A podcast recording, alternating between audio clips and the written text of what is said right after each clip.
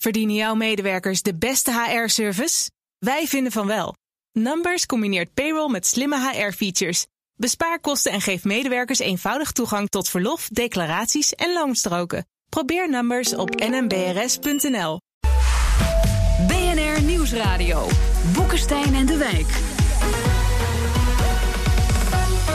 Jan Postma. Nieuwe ministers op het bordes, dat betekent nieuwe plannen en ook nieuwe kansen. Wat moet, wat kan en wat wil Rutte 3 met Europa? We mogen klein zijn, maar groot zijn onze daden. Er staat weer een mooie ploeg klaar. Ze zullen weten dat Holland echt bestaat. Premier Rutte. Minister Zelstra van Buitenlandse Zaken. Minister Kaag. Dit is een goed stel hoor.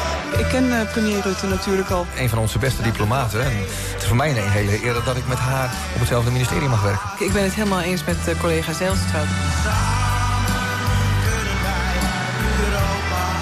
Samen natuurlijk met collega Halbe Zijlstra. Samen als een team. Deze mooie ploeg.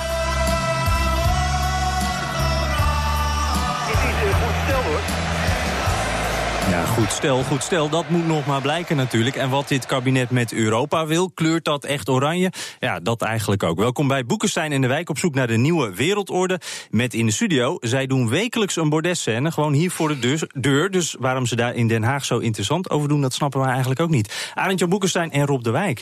En dan heb ik net al even gekeken onder de tafel. Niet echt hele flamboyante schoenen aan deze Dat week. doen wij niet aan. Dat doen we niet aan. Dat is zo stom. Ik heb gewoon kanariegele, als altijd. Het past ook bij je. Dat is echt jouw kleur. Uh, ook gewoon de schoenen aan. En hij vertaalt uh, onbegrijpelijke cijfers in sappige chocoladeletters. Journalist bij de Financiële Telegraaf. En ook oud-Brussel-correspondent Martin Visser. Welkom. Ja, goeiedag. Goed dat je er bent. Uh, ja, ik ben meteen wel even benieuwd, Martin. die kabinetsformatie. Hè. Bekijk je dat nou met een financiële blik of met een Europese blik? Of ja, met een hele andere blik. Nou, toch wel die, die, die twee toch voornamelijk. Ik, bedoel, uh, ik was heel, zelf persoonlijk heel benieuwd wat, uh, uh, wat op het gebied van de arbeidsmarkt eruit zou gaan komen. natuurlijk niet voor dit, voor dit programma. ja, en, en de Europa-paragraaf. Omdat ik natuurlijk mm -hmm. regelmatig ook heb geschreven. Van, ja, als je ziet dat de Macrons en Merkels van deze wereld vooruitstomen... dan moet je als Nederland een verhaal klaar hebben. En hoe gaat een combinatie van een aantal sub-eurosceptische partijen... samen met de Eurofiele mm -hmm. D66 dat doen? Dus die, die blik heb ik gekeken. Ja, je zet het helemaal fantastisch neer. We weten meteen helemaal waarom we jou hebben uitgenodigd. Um, daar gaan we het zo ook uitgebreid verder over hebben. Maar we gaan eerst eventjes naar de poppetjes kijken, de buitenlandpoppetjes. Halbe Zijlstra als minister van Buitenlandse Zaken... en Sigrid Kaag, uh, minister voor Buitenlandse Handel en Ontwikkelingssamenwerking. Uh, dat zijn nou niet meteen de meest... Uh, Europa-georiënteerde namen die ik me voor kan stellen. Uh, hoe zie jij dat, Arend-Jan? Nou, Sigrid Kaag is misschien wel heel erg Europa-gezind, hoor. Dat, uh, dat kan ja, best. leg eens uit, dat heeft met uh, vluchtelingen... Nou ja, ze heeft gezegd van het idee, als je, haar positie was altijd dat er een Europese oplossing moest komen voor het vluchtelingenvraagstuk. Dat is, mm -hmm. En bij Halbe zelfs lag het een beetje anders. Wat natuurlijk wel een verschil is, is dat we aan de ene kant dus iemand uit die idealistische school hebben, mevrouw Kaag. En een keiharde realist, Halbe Zijlstra, die dat artikel in Liberaal Revij heeft uh, gepubliceerd. Hè? Die met dictators wil onderhandelen. Wat overigens Sigrid Kaag in haar vorige functie veelvuldig heeft gedaan. Ja, dan komen ze eigenlijk wel weer goed samen, ja. Maar, maar, is dat dan iets waarvan jullie denken uh, dat kan, kan gaan botsen, uh, Rob? Of is nee, dat dan iets dat, nou dat ja, vindt elkaar ja, wel? ik, ik, denk dat daar Jan het goed samenvat. Je zou ook kunnen zeggen, Sigrid Kaag vertegenwoordigt het geweten. En Halbe Zijlstra vertegenwoordigt het nationale belang. En uh, het zijn twee stromingen in de politiek. En die komen hier, en dat vind ik echt heel erg interessant... die komen nu bij elkaar op één ministerie. Uh, kijk, die portefeuilles van uh, beide bewindslieden... die zijn redelijk onderscheiden. het kan clashen, maar dan clasht het in de treffenzaal.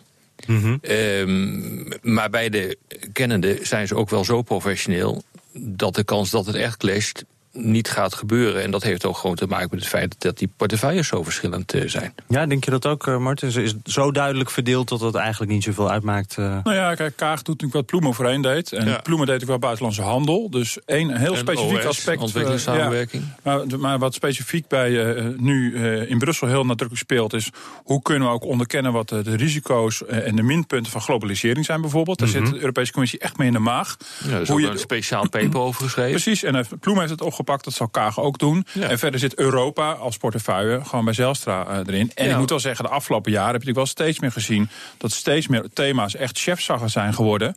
Eh, de tijd dat ik in, in Brussel zat, was het heel normaal... dat de ministers van Buitenlandse Zaken alles voorkookten. Mhm. Eh, ja, gaandeweg was het veel meer een 1-2'tje tussen de eurogroep en, en, en de chefs. Dus vergeet ook Wopke Hoekstra niet, die op financiën zit. Mhm. Ja, en dan heb je inderdaad alle smaken in dat palet ongeveer vertegenwoordigd.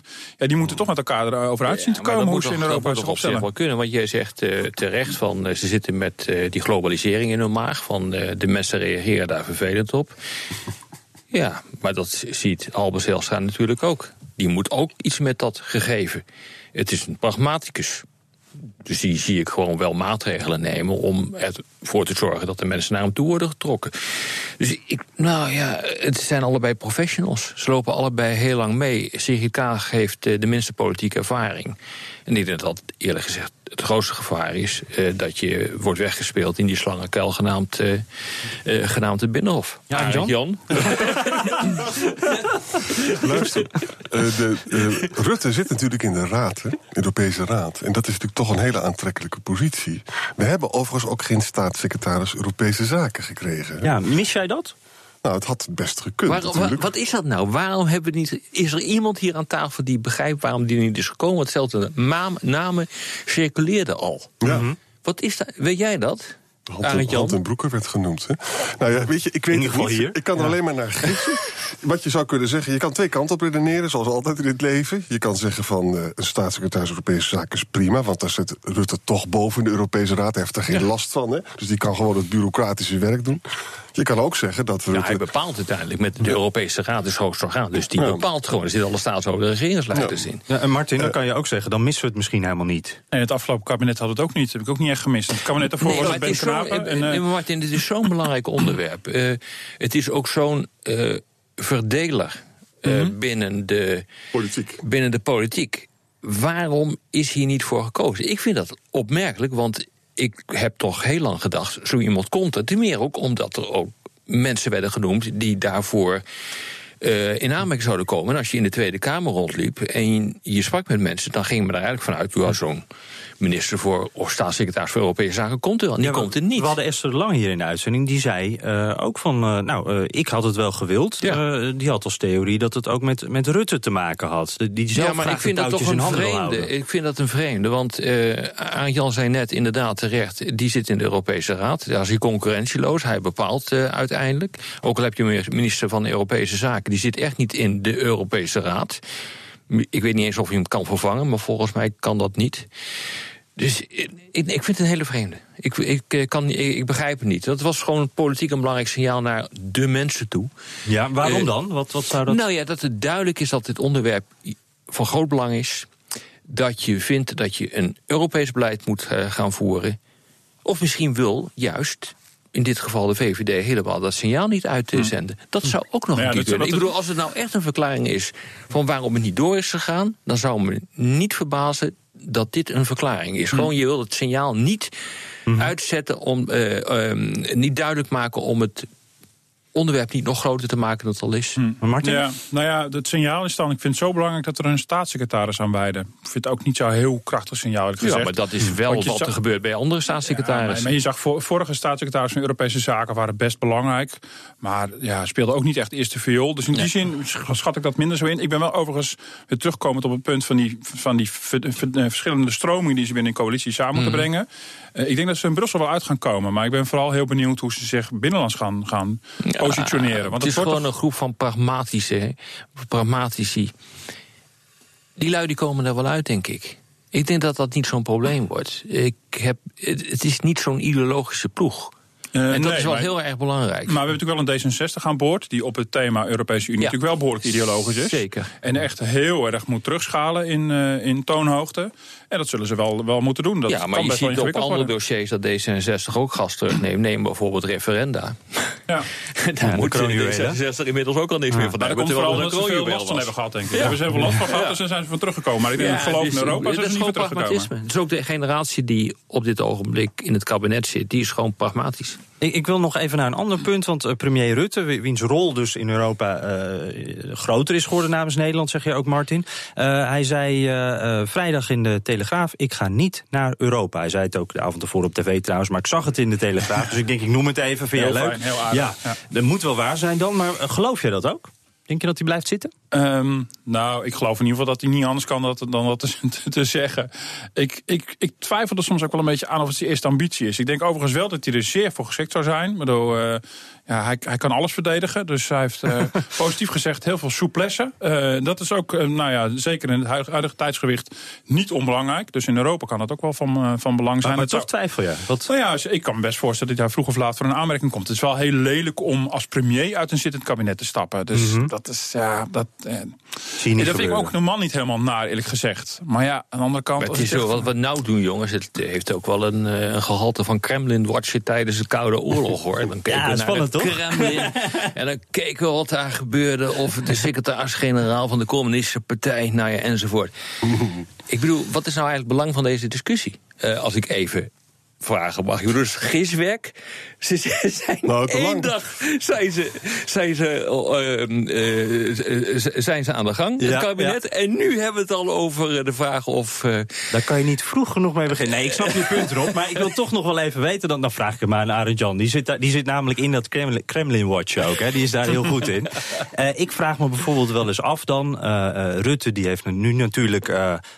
Ja, eh, die moet nu beslissingen nemen. Die moet nu in het nu leven. Maar die heeft misschien in zijn achterhoofd dus wel de ambitie ooit. om richting Brussel te vertrekken. Kan dat nog invloed hebben?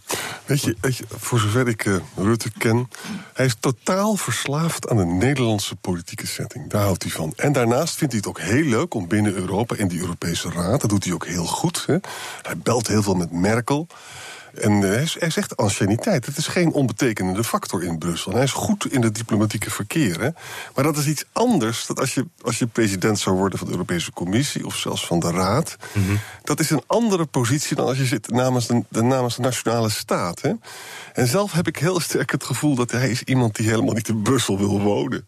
Hij houdt, hij houdt gewoon van Den Haag. Hij houdt van zijn een beetje kneuterig, hoor. Nou goed, laten we dan van het Kremlin Watch maar eens naar de inhoud gaan. Dat eh, moeten we toch ook een keer Ben ik doen. wel een voorstander van. Ja, ik heb het heel lang uitgesteld, maar vooruit wel. Rob, omdat jij het wil. Eh, laten we eerst even kijken. we- eh, we hebben het ook over die, die Frans-Duitse as. Hè. Als Ja. we het hebben over de, de rol van Nederland in Europa, moeten we daar ook naar kijken. Wij zijn een klein landje. Eh, ja, we moeten een beetje zo manoeuvreren tussen die twee. En die willen verschillende dingen. Zet jij nou eens neer, wat wil Frankrijk, wat wil Duitsland? Nou, Macron die heeft het eh, mooi eh, gezegd. Eh, die heeft gezegd van Duitsland... die wil geen overdracht van geld naar de zuidelijke lidstaten... en Frankrijk wil geen verdragsverandering hebben.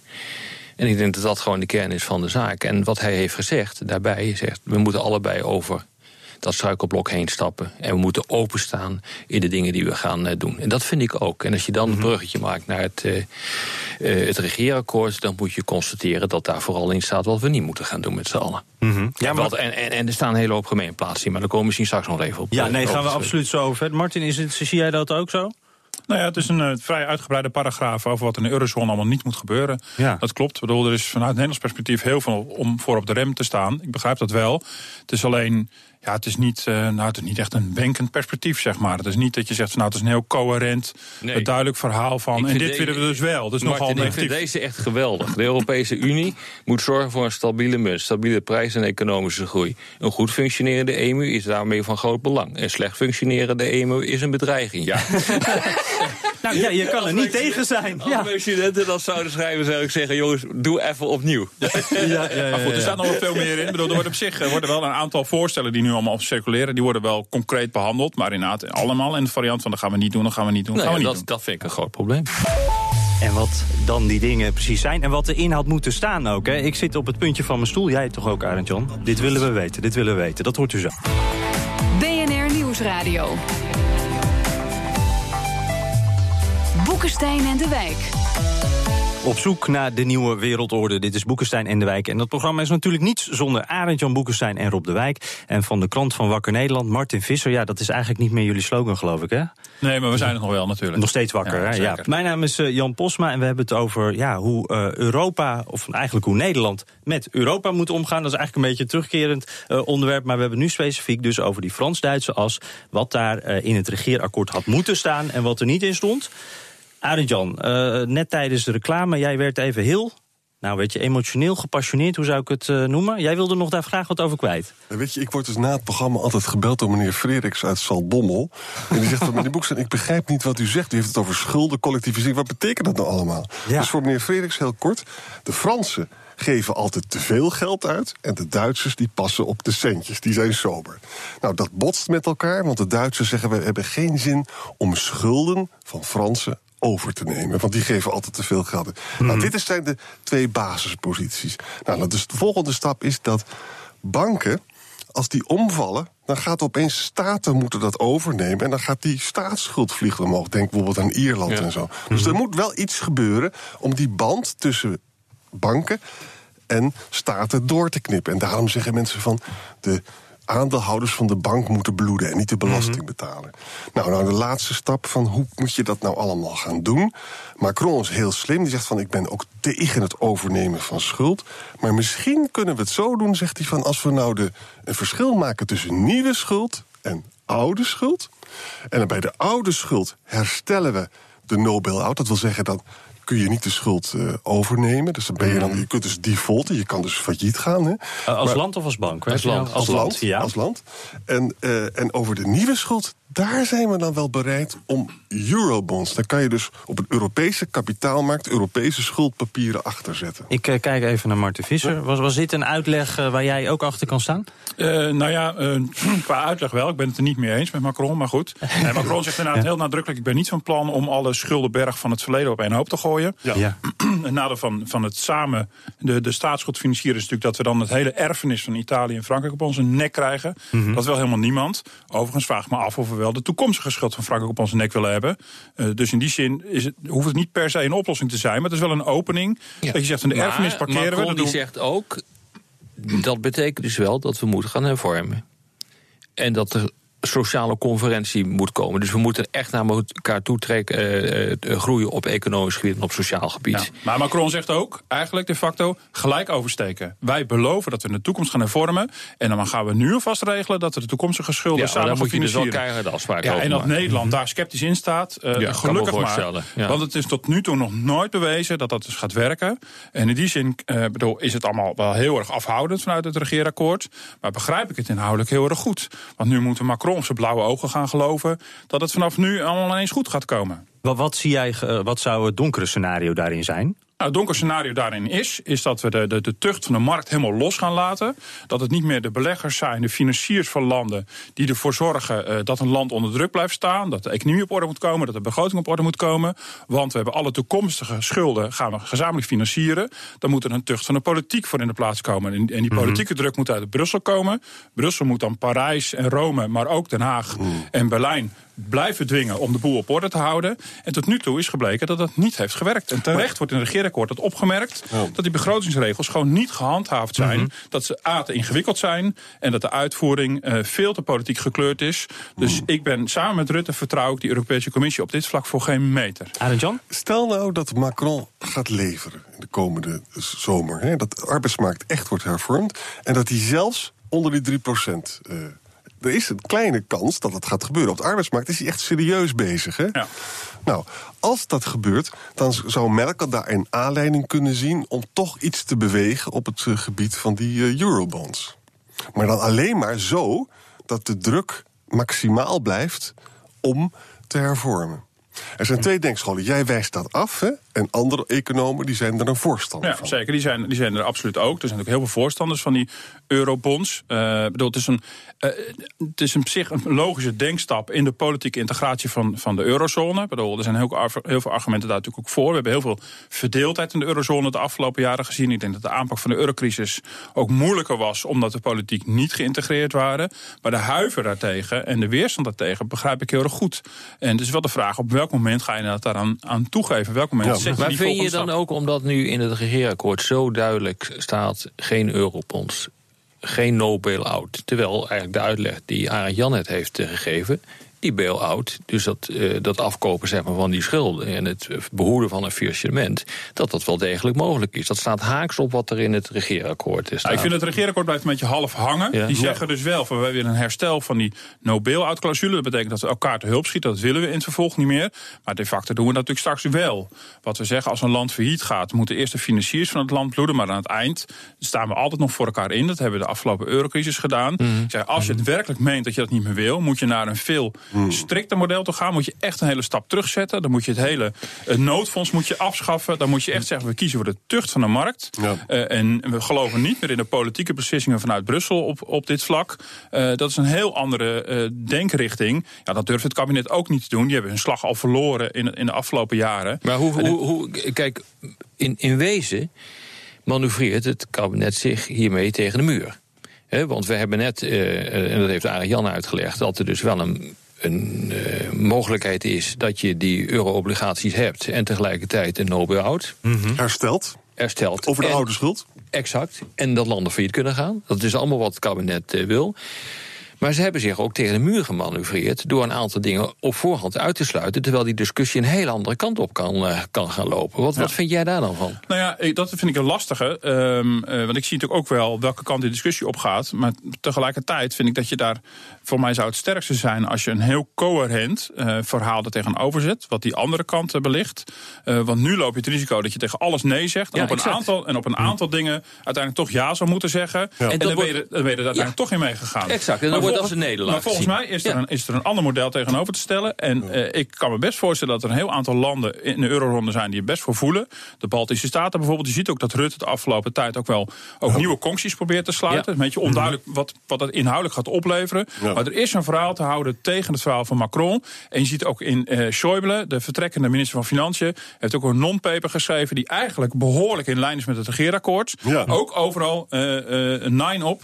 Ehm, dat is natuurlijk goed. Hij trekt straks niet meer aan de touwtjes, En maar wel een invloedrijk man. dus er is een ander model te schetsen. En dan moet Maar je die nee twee. is geen model, hoor. Dan, dan moet je die twee denkplannen laten. Maar, waarom?